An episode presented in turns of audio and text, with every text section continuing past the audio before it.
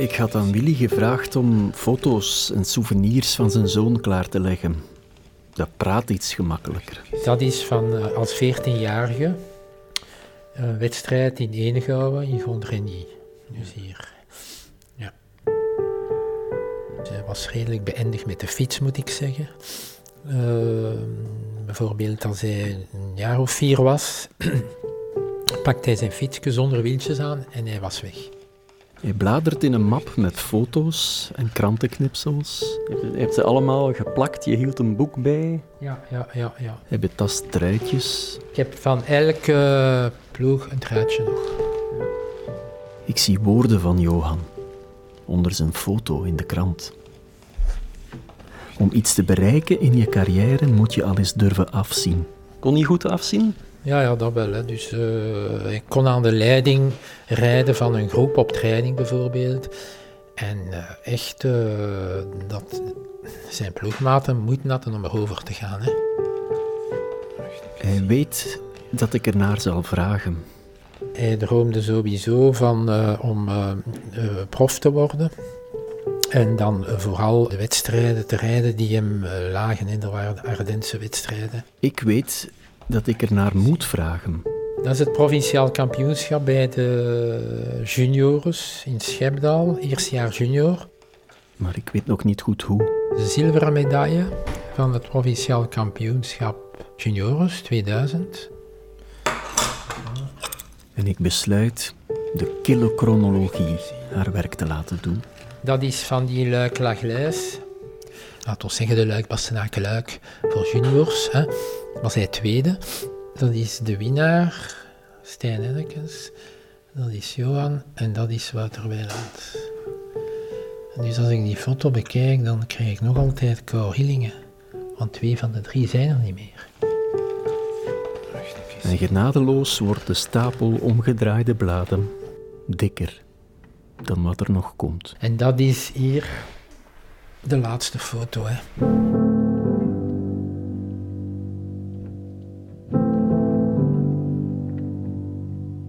Het plakboek ligt nu dichtgeklapt opzij. Tussen Willy en mij is nu alleen de lege tafel. Hij kijkt me aan en we zijn 12 februari 2004, s'avonds. De ploegvoorstelling in het cultureel centrum van Zelik van zijn ploeg, Daikin. Moeder Sermon komt er ook bij zitten. Spijtig genoeg was ik niet aanwezig, omdat wij op die avond, de laatste avond voor uh, de volgende week, het examen, instructies gingen krijgen hoe het examen van eerste hulp bij ongelukken ging gebeuren. Dat ging dus echt over de hartmassages en zo. En daarover ging het examen ook gaan. Ja, dat is eigenlijk een uh, zeer ironische situatie, maar ja. Vrij laat zijn we thuisgekomen ja, hij heeft nog een beetje fruit gegeten en is hij gaan slapen. We zijn ondertussen 13 februari, s ochtends. Het is stil in huis. Was dat een huis met plancher? En dus normaal gezien, als iemand in bed ligt en een keer beweegt, dan hoort je de boel kraken. Maar nu, die ochtend, was dat al een heel vreemd gebeuren, want ik hoorde niets. Oké, ik dacht, hij slaapt diep. Ik laat hem liggen. Uh, dat zal wel nodig zijn om een keer goed uit te rusten. En dan zo, ik denk tussen uh, 10 uur 30 en 11 uur, denk ik ongeveer, kwam het in mij op van toch te gaan kijken. Ik vond het toch uh, al een beetje laat aan het worden. En ik dacht, ik moet toch een keer gaan zien wat dat er aan de hand is. En gelijk dat ik mijn eerste voet op de treden zet van de trap, had ik het, uh, het gevoel dat hij dood was.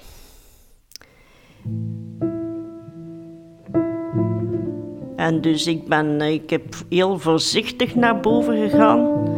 Ik heb mijn hoed vastgehouden aan de reling. En ik heb zijn kamerdeur op een kiertje open gedaan. En hij lag als een engeltje vredig dood in zijn bed.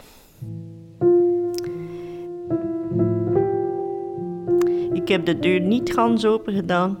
Ik heb gewoon terug naar beneden gekomen Ik heb mij eh, via mijn poep zo zachtjes naar beneden gekomen, met terug goed vastgehouden aan de reling. Want ik zag onmiddellijk dat het eh, wel degelijk zo was dat Johan overleden was. En dan kreeg ik die dokter aan de lijn. Oh ja, eh, hij zei, ja, we hebben hem in zijn uh, slaap of in zijn bed aangetroffen, levenloos. Dat was het woord. Ja, levenloos, ja. Ja, oké, uh, dan zegt je niks meer, hè. Ja, en dat was, ik was precies op mijn stoel vastgekleefd, hè. Ik kon zelf niet recht staan.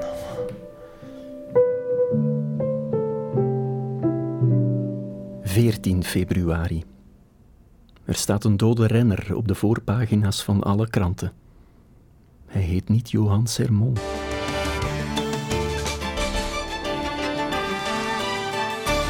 Elf uur, een goedemorgen, het nieuws. In Italië is een onderzoek geopend naar de dood van wielrenner Marco Pantani. Die is gisteravond dood aangetroffen in een hotelkamer in Rimini. Naast zijn bed lag een doosje kalmeerpillen. Dag na de dood van zijn zoon zit Willy op het politiekantoor. Daar hebben ze mij zes uur gehouden. Uh, maar het was voor mij duidelijk dat er daar maar één thema was voor die mensen, dat was doping. Hè. Zij zitten met een dossier en zij kunnen dat niet afsluiten tenzij ze iemand hebben dat ze kunnen zeggen de schuldige is die of dat. Hè. Maar hier was geen schuldige.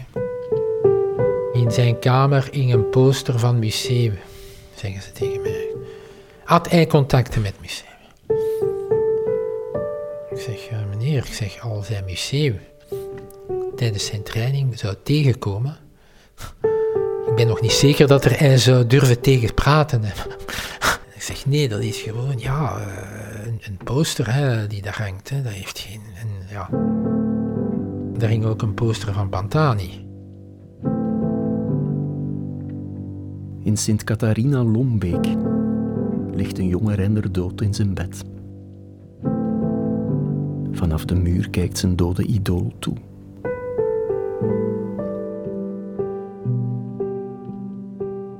Dat is ja, toeval, het lot. Hè. Er zijn zoveel zaken in het leven die je zegt, hoe kan dat? Maar ja, dat is nu eenmaal het toeval, het lot. Ja. Eh, ja, het was natuurlijk een beetje frapperend met die foto dat er hing.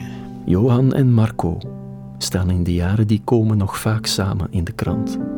In lijstjes van verdachte overlijdens in het peloton.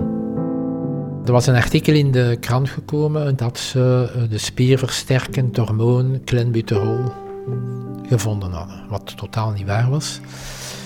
Dus ik heb dan gebruik gemaakt van het recht van antwoord. En dat is dan gepubliceerd geweest, maar sowieso, eens dat iets in de krant komt, zijn er veel mensen die dat gelezen hebben, maar nadien niet meer. Dus je zit sowieso, uh, ja, ik heb het gedaan omdat ik vond dat ik het moest doen. Het recht van antwoord. Voor Johan.